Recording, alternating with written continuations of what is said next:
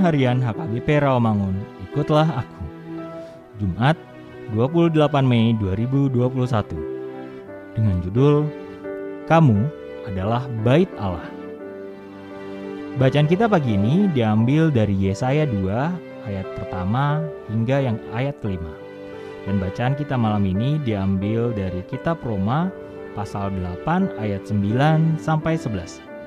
Dan kebenaran firman yang menjadi renungan kita hari ini diambil dari 1 Korintus 3 ayat ke-16 yang berbunyi, Tidak tahukah kamu bahwa kamu adalah bait Allah dan bahwa roh Allah diam di dalam kamu?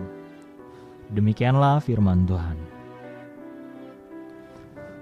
Paulus menyebut jemaat sebagai bait Allah, bukanlah menunjuk seluruh bangunan bait Allah.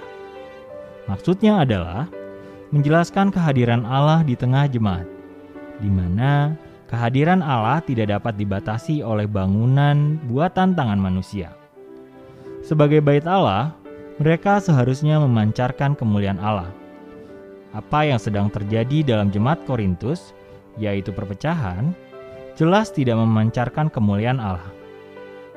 Paulus menyatakan jemaat sebagai tempat kediaman Roh Kudus Roh Kudus memampukan jemaat untuk memahami hikmat Allah, mempersatukan mereka, dan tinggal di tengah-tengah mereka. Kehadirannya bersifat pribadi atau personal. Bagi orang Kristen, yang terpenting bukanlah tempat atau bangunan, tetapi kehadiran Roh Kudus. Tanpa kehadiran Roh Kudus, sebuah bait Allah akan berhenti menjadi bait Allah. Tubuh adalah bait Allah maka harus dijaga dan dirawat. Kita menghargai, menghormati, dan menguduskan bait Allah. Tidak mencemarkan dan menghancurkannya dengan makanan sembarangan atau menyiksanya. Ingatlah sekali lagi, tubuh adalah bait Allah. Hormatilah Tuhan Allah dengan memperlakukan tubuh dengan baik dan kudus sebagai tempat berdiamnya roh Allah di dalam diri kita. Marilah kita berdoa.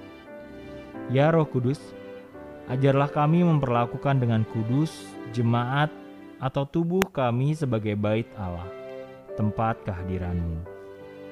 Amin. thank you